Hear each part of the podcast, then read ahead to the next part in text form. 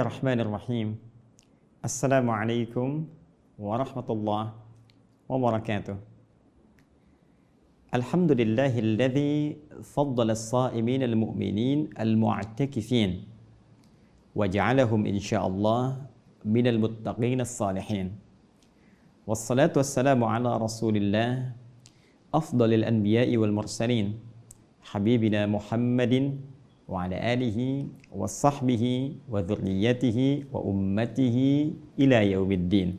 Wa ba'du. Saudara-saudariku, pemirsa, aku suka di mana pun Anda berada. Alhamdulillah bersyukur kepada Allah Subhanahu wa taala kita dapat dipertemukan kembali dalam program yang insya Allah kita sukai ini di hari ke-21 di bulan Ramadan tahun 1441 Hijrah. Masya Allah, Alhamdulillah kita telah berada di fase yang sangat krusial yang telah kita uraikan pada pertemuan-pertemuan yang lalu, fase yang sangat ditekankan oleh Rasulullah Sallallahu Alaihi Wasallam untuk bisa kita hadirkan kekuatan penuh demi memaksimalkan ibadah di hari-harinya spesial khusus untuk malam-malam puncak akhirnya. Bahkan saking spesialnya hingga Rasulullah SAW beliau tercatat dalam riwayat hadis-hadis yang sahih hingga mengencangkan ikat pinggangnya ya dalam arti meminta kepada kita memberikan isyarat untuk menguatkan kekuatan kita, mengumpulkan motivasi kita demi memaksimalkan keutamaan ibadah di hari-hari ini khususnya untuk mendapatkan malam mulia yang telah kita tuntaskan pembahasannya di episode-episode yang lalu. Teman-teman sekalian, di pertemuan yang lalu kita telah membahas seputar ibadah yang disunahkan untuk dimaksimalkan di 10 hari terakhir khususnya di malam-malam Ramadan yaitu ibadah yang kemarin kita sebutkan dengan nama i'tikaf. Ya, Tikaf.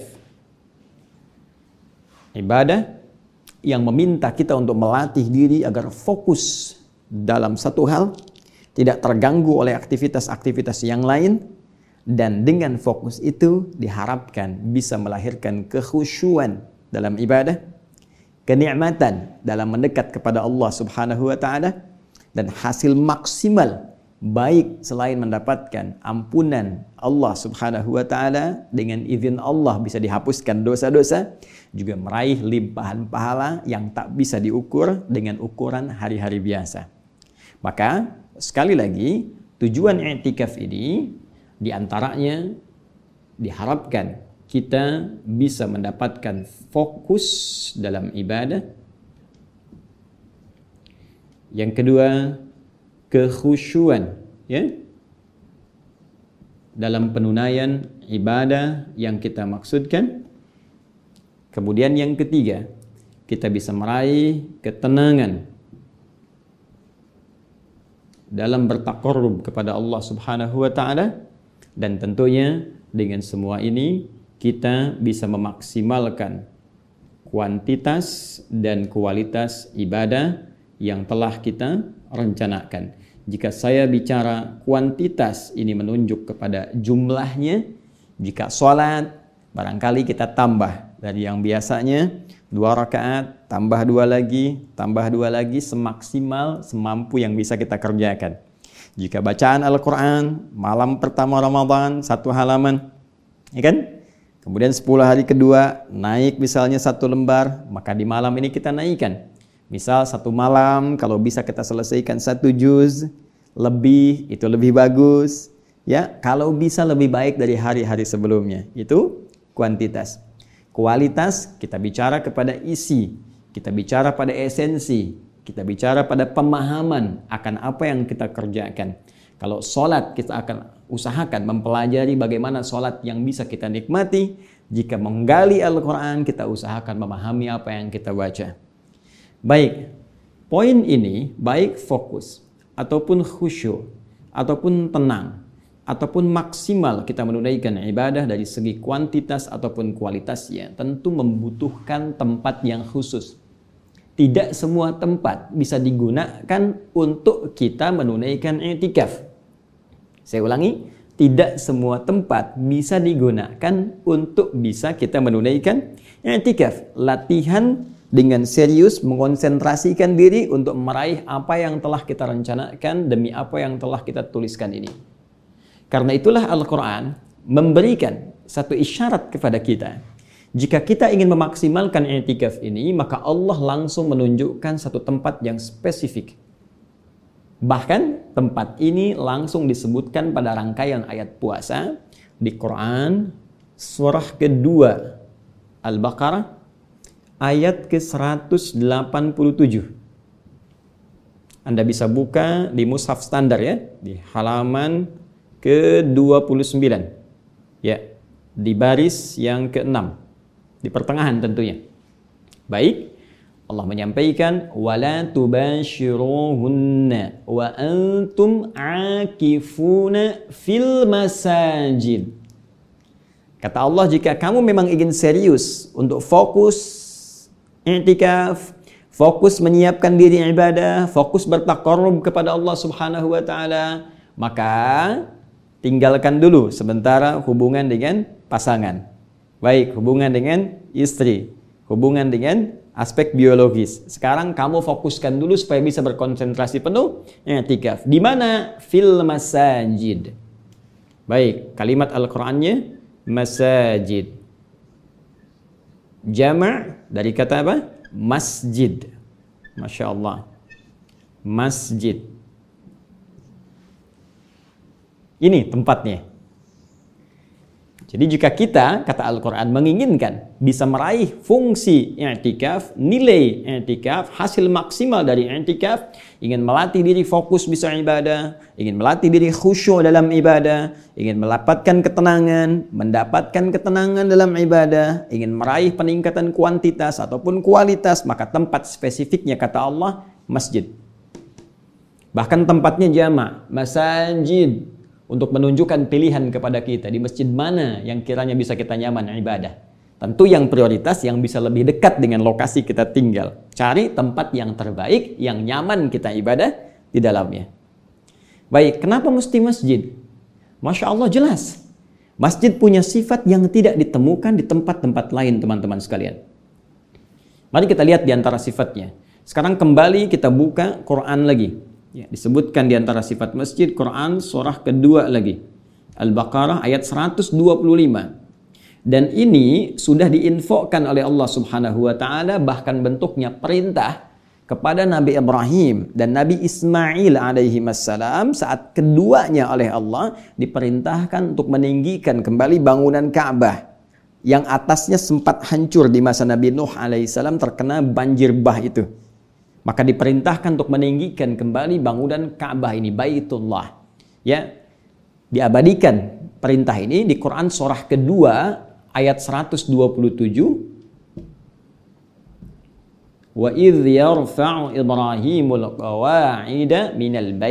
Wa Ismail dan ingatlah, pelajarilah, pahamilah ketika Nabi Ibrahim alaihissalam dan Nabi Ismail alaihissalam dimintakan, diperintahkan oleh Allah Subhanahu wa taala yarfa, meninggikan kembali pondasi Ka'bah. Ya, yang sempat atas bangunannya itu hancur di masa Nabi Nuh alaihissalam terkena banjir besar. Maka pondasi ditinggikan jadi bentuk bangunan kembali. Nah, yang menarik teman-teman sekalian, saat tugas itu tuntas dikerjakan, maka Allah memberikan gambaran kepada kita semua melalui perintah yang disampaikan kepada Ibrahim dan Ismail alaihi wassalam untuk menjadikan wilayah sekitaran Ka'bah itu sebagai tempat fokus ibadah, akif, i'tikaf dan membersihkan area-area Ka'bah supaya nyaman digunakan untuk tawaf juga menunaikan salat. Itu peristiwanya diabadikan di Quran surah kedua ayat 125. Allah sampaikan wa idh ja'alna al-baita mathabatan lin-nasi wa amna.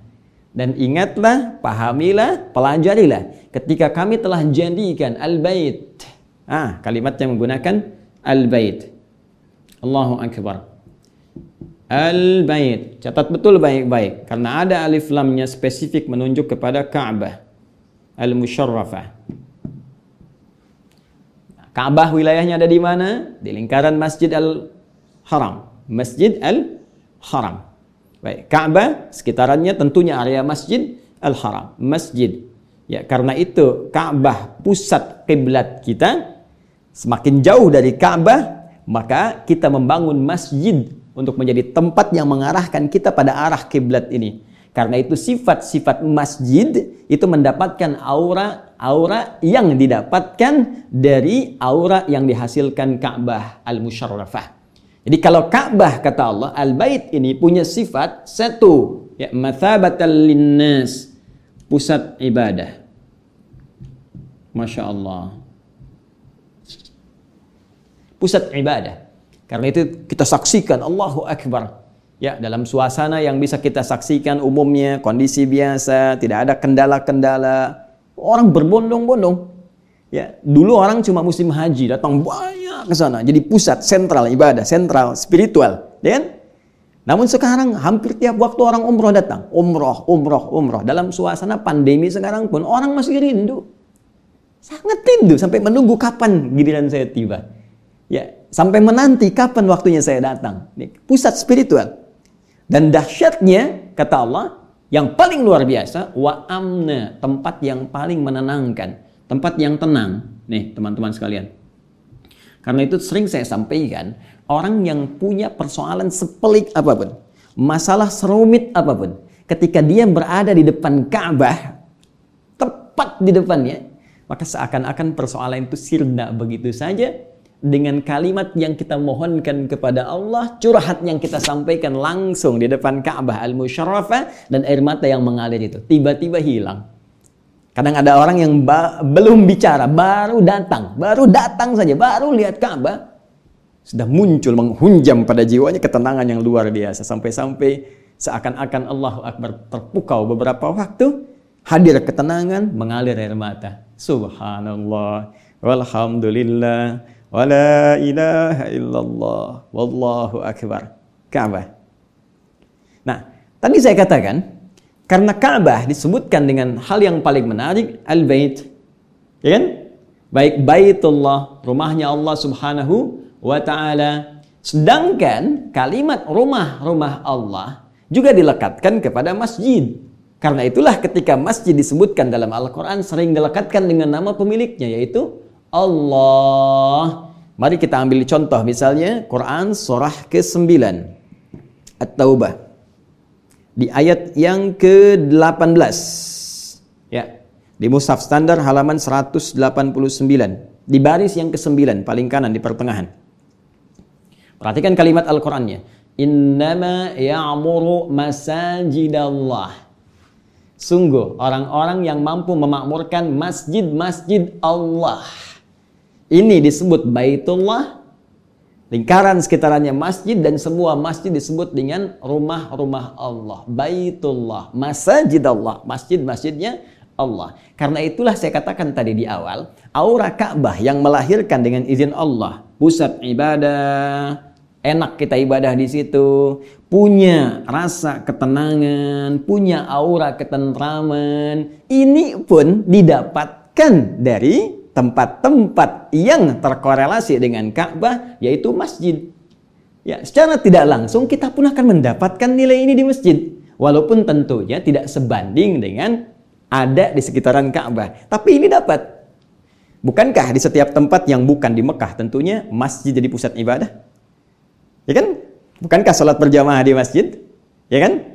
Di Jakarta ada masjid, di Sumatera ada masjid, di Kalimantan ada masjid, sampai ke Papua ada masjid. Sekarang kalau orang mau sholat ke mana pusatnya? Masjid.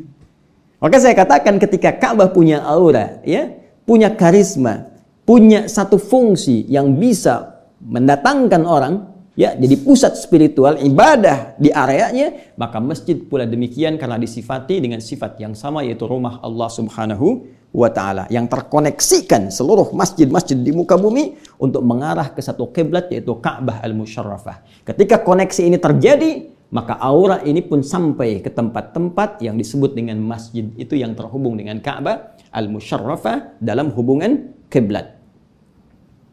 Pun demikian, ketika Ka'bah memiliki aura ketenangan, kenyamanan, masjid juga begitu. Makanya orang masuk masjid itu lebih tenang keadaannya dibandingkan dengan masuk rumah biasa. Bahkan ada kalanya masuk rumah sendiri itu berbeda rasanya dengan saat masuk masjid rumah Allah. Coba Anda rasakan. Kerja sedang penat, sedang lelah, sedang capek. Ya, terkhusus teman-teman mungkin yang sekarang Anda berada di garis terdepan, ya kan? Ada teman-teman yang nakes, teman-teman yang lain dan sebagainya, Masya Allah dalam keadaan yang luar biasa berjuang ya. Tiba-tiba setelah selesai shiftnya, Anda bisa mampir dulu di gedung yang bersangkutan Anda bertugas, misalnya ada musolanya gitu kan? Atau bahkan ada masjidnya di tempat yang netral misalnya, gitu kan? Wilayah zona hijaunya, begitu Anda masuk ke wilayah itu.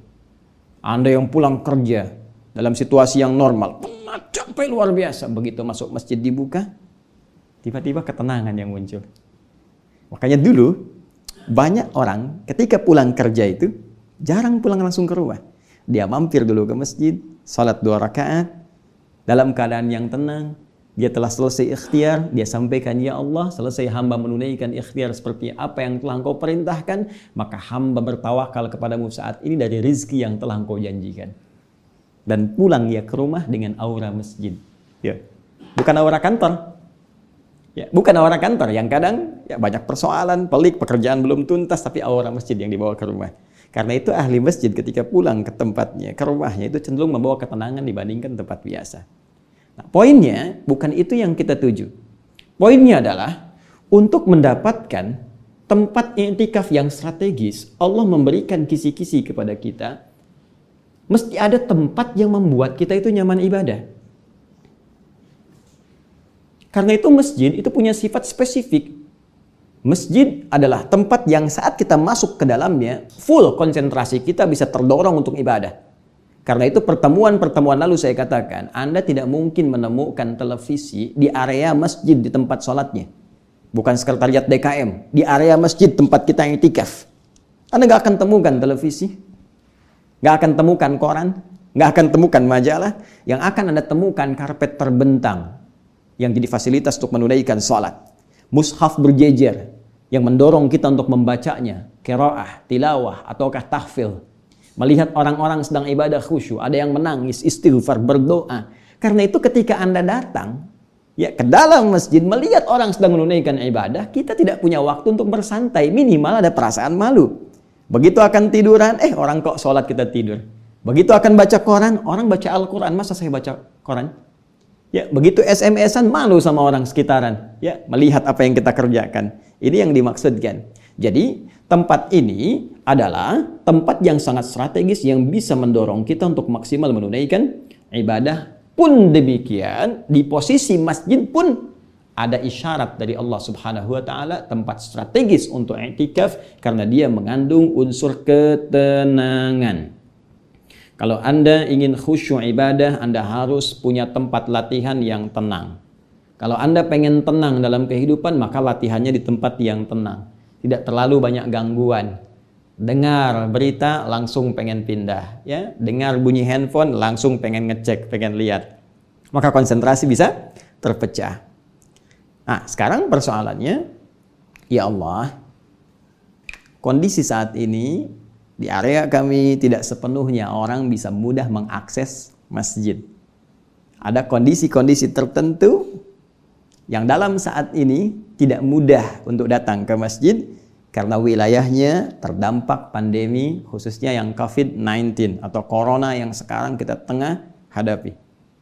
Alhamdulillah, perkembangan sampai saat ini kita bersyukur kepada Allah Subhanahu wa taala ya ada perubahan-perubahan di beberapa tempat, banyak yang sembuh tentunya dengan izin Allah Subhanahu wa taala dan kita masih terus berjuang.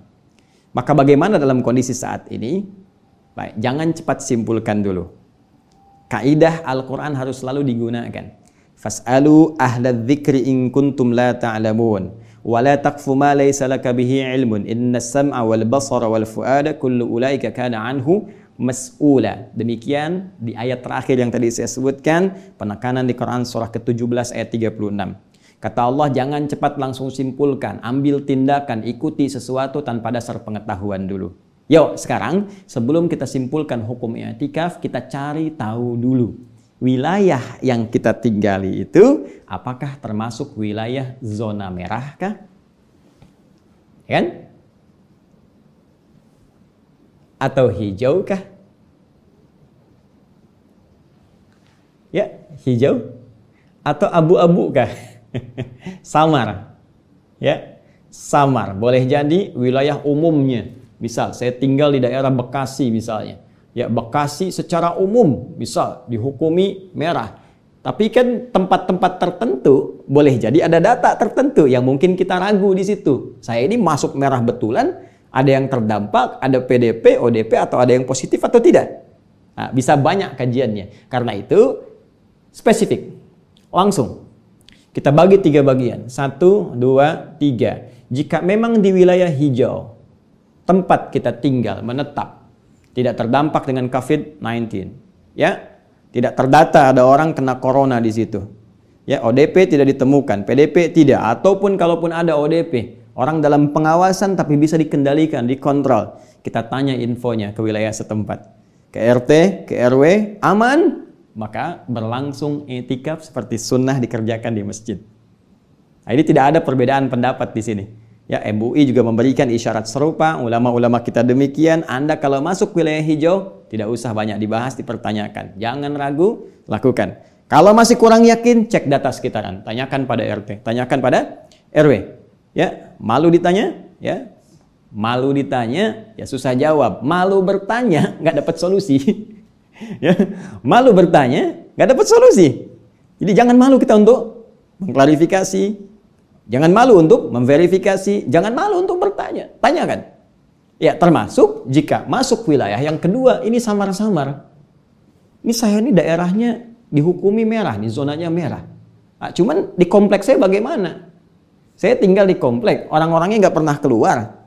Ya, kemudian juga sudah melockdown sendiri. Ya, punya pembatasan skala yang besar sekitaran komplek, nggak pernah keluar. Ya, kemudian diprotek misalnya Nah, dalam kondisi ini tetap Anda harus berkonsultasi. Tanyakan pada RW setempatnya, bagaimana penanganannya? Ada nggak yang terkena? Oh, tidak ada ternyata. Baik, kalau tidak ada sama sekali, maka Anda batasi. Di masjid, lihat, masjidnya ada nggak dalam kompleks? Kalau ternyata masjidnya ada dalam kompleks tempat saya tinggal dan wilayah itu nggak ada satupun yang kena corona, maka diskusi dengan perangkat hukum setempat, dengan RT, dengan RW, sampaikan bahwa kami akan i'tikaf dan dijaga supaya orang dari luar tidak masuk ke wilayah Anda. Ini pun masih memungkinkan. Baik. Namun jika kondisinya di sini ah di tempat itu memang sudah ada yang teridentifikasi, bahkan diketahui positif, bahkan diduga penyebarannya bisa cepat kalau tidak ditangani, maka jangan memaksakan diri untuk datang ke masjid. Saya ulang, jangan memaksakan diri untuk datang ke masjid. Karena potensi yang tadinya ingin kita dapatkan untuk ibadah bisa beralih menjadi masalah, persoalan. Ya, ketika datang kumpul orang yang tadinya mungkin kita tidak terkena sama sekali, negatif berada di situ tapi terhubung dengan orang-orang tertentu yang tercurigai, bahkan yang tidak diketahui karena wilayah merah itu sudah terdata, berbaur di situ, maka yang ditimbulkan nanti persoalan kemudian hari. Alih-alih mendapatkan ketenangan, yang lahir bisa kepanikan. Nah, dalam kondisi ini, kalau wilayah saya masuk nomor satu, maka apa yang harus saya lakukan? Tenang teman-teman, jangan khawatir. Islam kafah. Islam punya solusi yang komprehensif. Setiap persoalan ada jawabannya.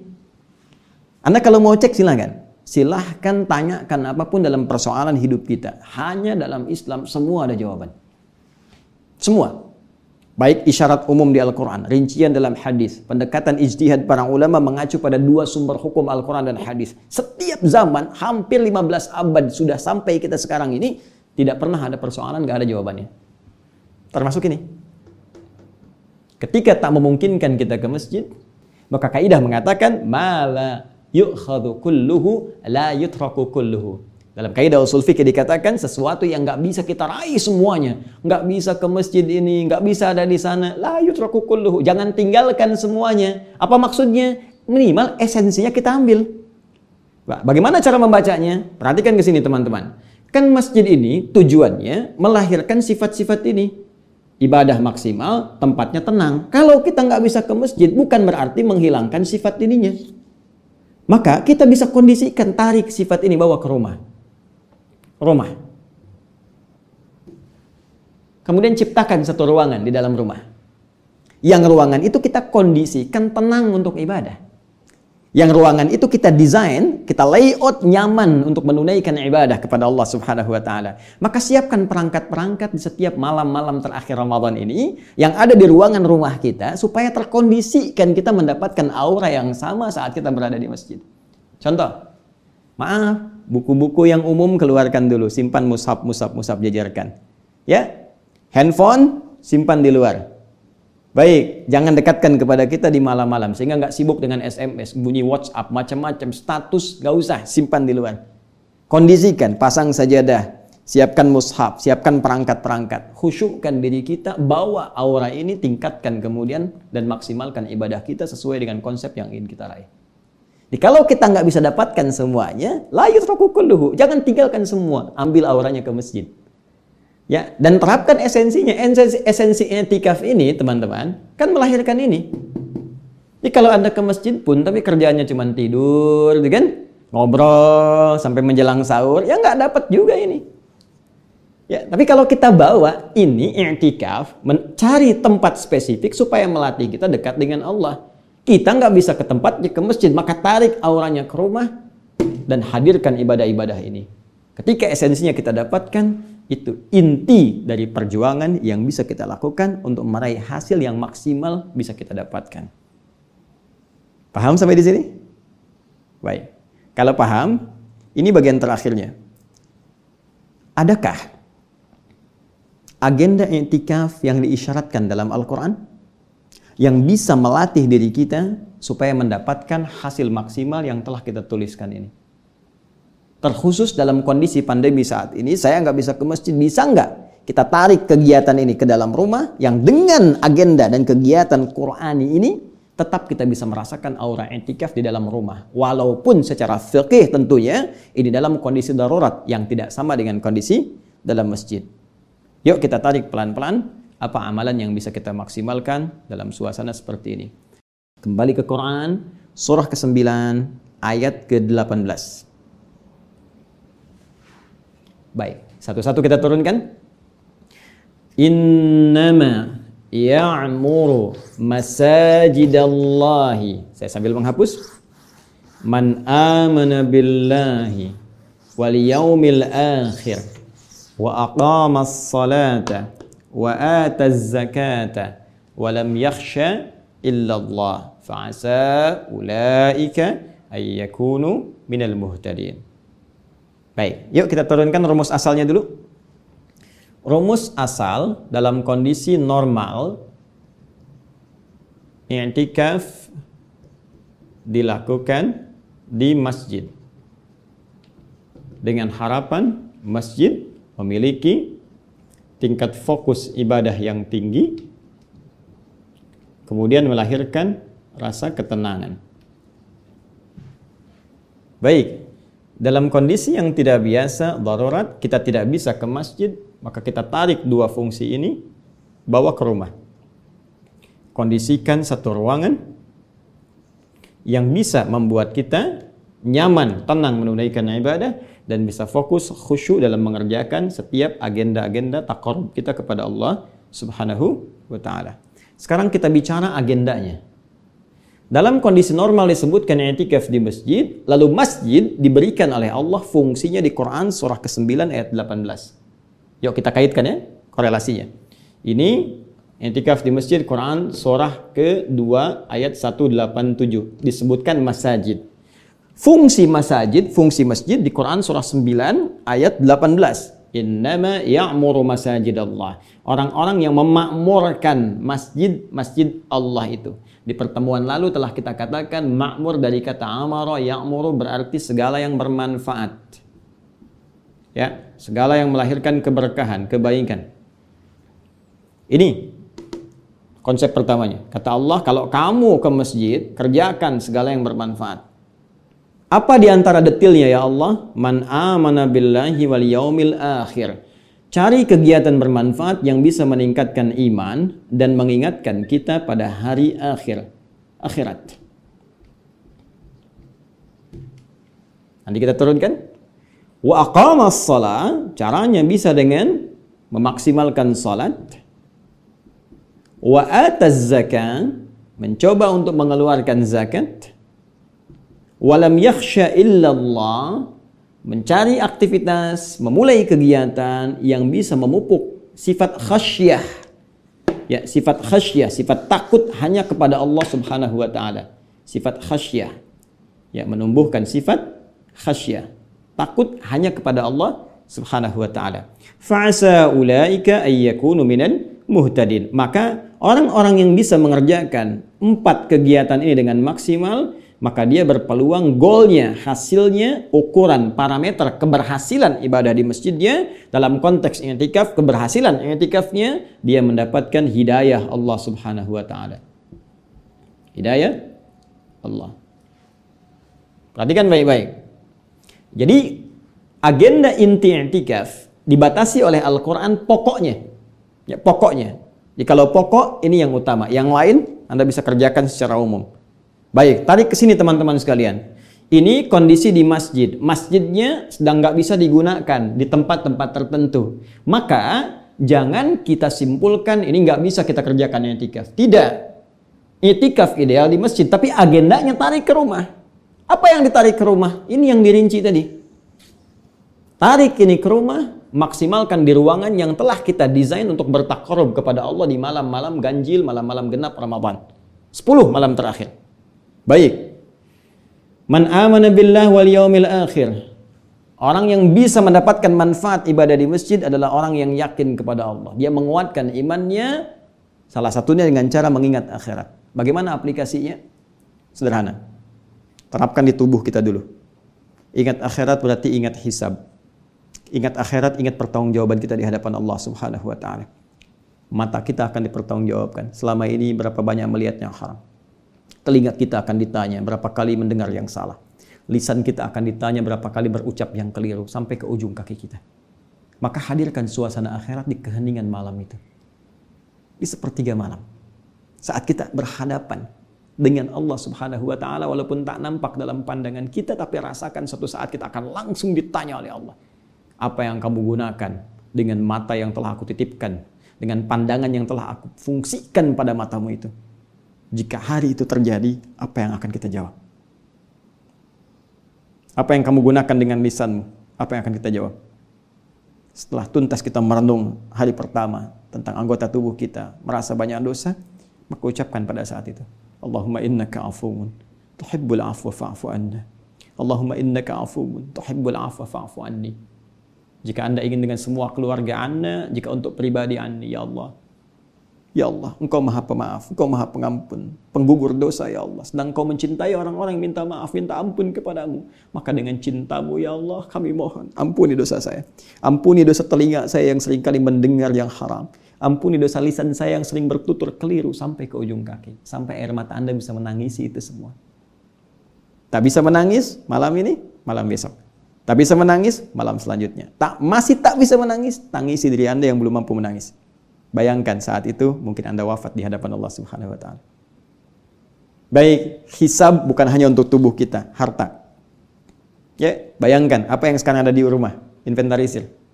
Selain pakaian, alat komunikasi, kendaraan Anda yang sudah dikasih sepeda, pengen motor, sudah motor, pengen mobil, sudah mobil, pengen banyak variannya, banyak versinya, itu pun belum sempat mengantarkan Anda ibadah dengan maksimal. Dan dahsyatnya itu akan dihisap, teman-teman. Itu loh yang sering Anda pengen koleksi itu, itu dihisap. Dihisap. Dihisap. Akan ditanya. Maka diukur. Diukur. Bagaimana kalau kendaraan itu akan ditanya? Bagaimana kalau semua nikmat itu akan ditanya? Sudah siap atau belum? Ingat-ingat, maka istighfar ya Allah. Mobil ini belum pernah mengantarkan saya ke masjid. Sepeda ini belum pernah mengantarkan saya untuk ibadah. Ya Allah, kendaraan ini belum pernah mendekatkan diri saya kepada Allah Subhanahu wa taala. Astagfirullah, astagfirullah, istighfar. Istighfar. Ini bawa nih ke sini. Walaupun tak bisa ada di sini masjid. Bawa ke sini. maka insya Allah rasanya akan berbeda malam-malam itu. Akan lain. Baik, selanjutnya ini amalan yang kemarin saya sampaikan, yang Nabi tunjukkan kepada kita. Man yakum lailatul qadri imanan wa ihtisaban ghufira lahu ma taqaddama min dhanbi. Siapa yang mampu bangkit menunaikan salat ya di malam Al-Qadar, 10 malam terakhir dia maksimalkan bertepatan dengan malam Al-Qadar, ghufira lahu ma taqaddama min dhanbi. Bonus pertama diampuni dosa-dosanya. Ya, diampuni dosa-dosanya. Maka bawa ini maksimalkan salat. Ya, belajar untuk khusyuk. Ingat-ingat zakat, korelasikan dengan yang tadi. Mungkin banyak zakat mal yang belum dikeluarkan. Zakat fitri sebentar lagi harus dikeluarkan. Maka renungkan. Ya, esensi zakat itu kan berbagi. Jangan-jangan selama ini baru bisa terima, belum bisa kasih. Padahal saat menerima itu Anda ucapkan terima kasih. Terima kasih, terima kasih, terima kasih. Maksudnya saya terima, nanti saya harus bisa ngasih. Saya terima sekarang, nanti saya ngasih. Tapi realitanya banyak menerima, ngasihnya masih minim. Ya, sementara yang kita terima itu pun akan dihisab oleh Allah. Maka kalau mau ringan hisabnya harus pandai ngasih. Itu pun masih diatur oleh Allah. Ya dari dua setengah persen, ya ada haulnya, batasnya selama setahun dulu, cukup atau enggak? Ternyata lebih dari cukup, bagi yang masuk ke tenggorokan kita itu milik kita. Yang di luar, yang kalau dihitung masih bisa setahun, dua tahun, tujuh tahun, ada hak orang di situ. Bagi supaya ringan hisab kita di hari kiamat nanti. Baik. Kemudian khasyah.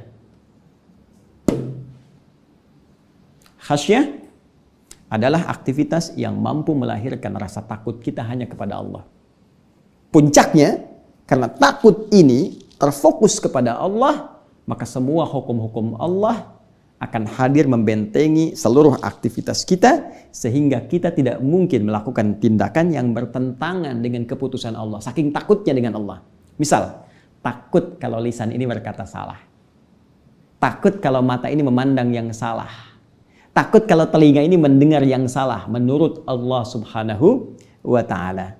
Bagaimana mengetahui semua ini dibenarkan oleh Allah, dianggap salah oleh Allah sehingga melahirkan sifat khasyah, takut kepada Allah? Maka caranya ditunjukkan di Quran surah ke-35. Membangun sifat khasyah, salah satunya Quran surah 35 Fatir ayat ke-28, teman-teman. Di baris yang ke-11, paling kanan agak ke bawah sedikit. Langsung di situ Allah sampaikan innama yakhshallaha min ibadihil ulama. Sungguh di antara hamba Allah yang punya sifat khasyah itu hanyalah ulama. Ulama ulama jama' dari kata alim. Alim orang yang punya ilmu, orang yang punya pengetahuan. Jamaknya disebut ulama majlis ulama, tempat orang-orang yang punya pengetahuan. Tapi ukuran pengetahuan oleh Al-Quran dibatasi dengan sifat khasyah. Jadi sifat ulama yang paling utama itu bukan sekedar dia pintar saja. Maaf, hafal Quran, bahkan dengan nomor, dengan posisi, dengan petanya, hafal hadis, tapi nggak punya sifat khasyah. Sembarangan mengeluarkan ayat, menempatkan di tempat yang dilarang. Huh? Mengatakan semua agama sama, menuju pada Tuhan yang sama, cuman caranya beda-beda, kemudian ngambil ayat-ayat Quran serampangan, itu bukan ulama. Karena setiap ulama takut kalau bicara, ini benar nggak kata Allah. Makanya dia rujuk, lihat Al-Quran. Benar nggak kata Rasulullah, lihat hadis. Benar nggak pemahaman saya terhadap Al-Quran dan hadis? Jangan simpulkan sendiri, baca terjemah langsung paham. Lihat pemahaman ulama sebelumnya yang punya sanad tersambung pada Nabi SAW. Belajar, simpulkan. Itu yang disebut dengan khasyah. Nah, Bentuk tunggal dari kata ulama, alim. Alim itu orang yang punya pengetahuan. Pengetahuan itu dihasilkan dari proses pembelajaran. Belajar. Maka di masjid pun bisa digunakan sebagai sarana untuk belajar. Karena itu muncul majlis ilmu. Muncul ta'lim. Di mana ayat majlis ilmu ditemukan? Di Quran surah ke-58. Quran surah 58 ayat yang keberapa? Ayat yang ke-11. Coba lihat, nih, ini baris ke-11, nih ayat yang ke-11. Tapi jangan dijadikan cocok logi, tidak ya. Ini isyarat saja. Ya. Apa kalimat Qur'annya? Ya ayyuhalladzina amanu idza qila lakum tafassahu fil majalisi yafsahu fafsahu yafsahillahu lakum. Hei orang-orang beriman jika dikatakan kepadamu luaskan majlis untuk belajar. Majlis, majlis, majalis jama dari kata majlis, majlis ilmu isi. Karena itu Nabi mengajar di Masjid An-Nabawi. Nabi memberikan pendidikan tentang makna-makna Al-Quran, diterangkan lewat hadis-hadis beliau, diteruskan kepada kita sampai sekarang lewat keterangan para ulama. Secara singkat, karena masjid bisa digunakan untuk tempat belajar ta'allum. Ta'lim mengajar. Ta'lim buat ta'allum. Majlis ta'lim. Majlis tempat mengajar. Di antara tempatnya bisa di masjid. Sekarang masjid agak sulit saya masuk ke sana Ustaz. Ada batasan-batasan, sebagian bahkan dikunci. Hanya waktu-waktu tertentu saja itu pun spesifik. Bahkan ada yang nggak digunakan sama sekali, kecuali orang yang azan saja dan terbatas. Ya pengurus masjid yang ibadah di situ. Saya bagaimana? Jangan khawatir, balik lagi ke sini ke rumah. Sekarang tinggal Anda runtutkan saja. Materi pelajaran apa yang Anda mau bawa ke rumah itu? Ya, Anda bikin target. Ah, sekarang saya mau belajar tentang bagaimana khusyuk sholat saya. Terbantu ke sini. Materinya sholat, saya pengen khusyuk. Maka cari pelajaran tentang sholat. Fikih-fikih sholat. Maka di malam-malam etikaf itu bukan hanya zikir dengan kalimat-kalimat. Kan? Bukan hanya sholat yang kita kerjakan, bukan hanya mungkin bacaan Al-Quran. Kalau kita mau dan waktunya masih ada, bisa kita gunakan untuk belajar pengetahuan yang melahirkan khasyah kepada Allah. Buka, baca buku tentang sifat sholat Nabi SAW misalnya. Baca buku tentang sejarah orang-orang soleh masa lalu. Belajar dari orang-orang yang khusyuk, orang-orang sederhana. Cari anda punya masalah dengan harta benda, cari sahabat-sahabat Nabi yang ditunjukkan oleh Nabi langsung mengatasi kesulitan ekonominya. Zikir-zikir Nabi masa lalu. Yang sakit, yang diuji sakit, lihat zikirnya Nabi Ayub alaihissalam. Lihat zikirnya Nabi Ibrahim ketika sakit. Ada di Quran semua. Yang pengen tobat dari perbuatan zalim, lihat zikirnya Nabi Adam alaihissalam. Ya, yang punya musibah dahsyat, lihat zikirnya Nabi Yunus alaihissalam. Pelajari, pahami, sehingga muncul sifat khasyah seperti para nabi dulu melahirkan kalimat-kalimat tayyibah. Nabi Adam begitu sadar, Rabbana zalamna anfusana wa illam taghfir lana. Ya? Nabi Yunus ketika sadar, La ilaha illa anta subhanaka inni kuntu minadh zalimin. Nabi Ayub ketika bermohon minta kepada Allah, wa ayyuba idnada rabbahu anni masani yadhurru wa anta arhamur rahimin. Baca, baca sampai keluar kalimat Allahu akbar, nikmat sekarang ya Allah, nikmat sekarang ya Allah, nikmat sekarang ya Allah. Nah, ini yang bisa kita lakukan fokus ibadah, fokus etikaf, konsentrasi saat pandemi tengah mewabah di sekitaran kita pada saat ini. Jika memungkinkan ke masjid silahkan diatur dengan tertib tanpa menyulitkan sistem yang sedang berlangsung. Jika tidak memungkinkan jangan dipaksakan. Sesuatu yang tak bisa kita ambil semuanya, maka esensinya kita bawa ke rumah untuk kita maksimalkan. Poinnya bagaimana membangun kedekatan dengan Allah Subhanahu wa taala. Nah, bagian akhirnya adalah bagaimana kita tahu kalau i'tikaf kita diterima oleh Allah Subhanahu wa taala. Apa ukurannya? Apa indikatornya? Itu yang insya Allah besok di hari ke-22 kita akan bahas sekaligus menyambung tentang feeling malam Al-Qadar yang belum kita tuntaskan di episode sebelumnya. Semoga kita bisa menyiapkan diri kita dengan baik. Kalau bisa ke masjid kita bersyukur pada Allah Kalaupun kita harus tarik ke rumah, kita bersabar kepada Allah, tapi di dua tempat itu kita maksimalkan esensi ibadahnya seperti apa yang telah kami uraikan. Jika ada kebenaran itu petunjuk Allah untuk diamalkan, jika ada kekhilafan, kekurangan, bahkan kesalahan, itu menandakan saya masih manusia sampai dengan hari ini, bahkan sampai kembali kepada Allah Subhanahu wa taala.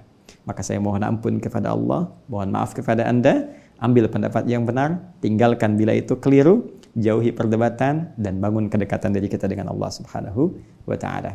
Demikian saya sampaikan, semoga bermanfaat. Selamat berbuka. Subhanakallahumma wa bihamdika asyhadu an la ilaha illa anta astaghfiruka wa atubu ilaik wa akhiru da'wana alhamdulillahi rabbil alamin. Assalamualaikum warahmatullahi wabarakatuh.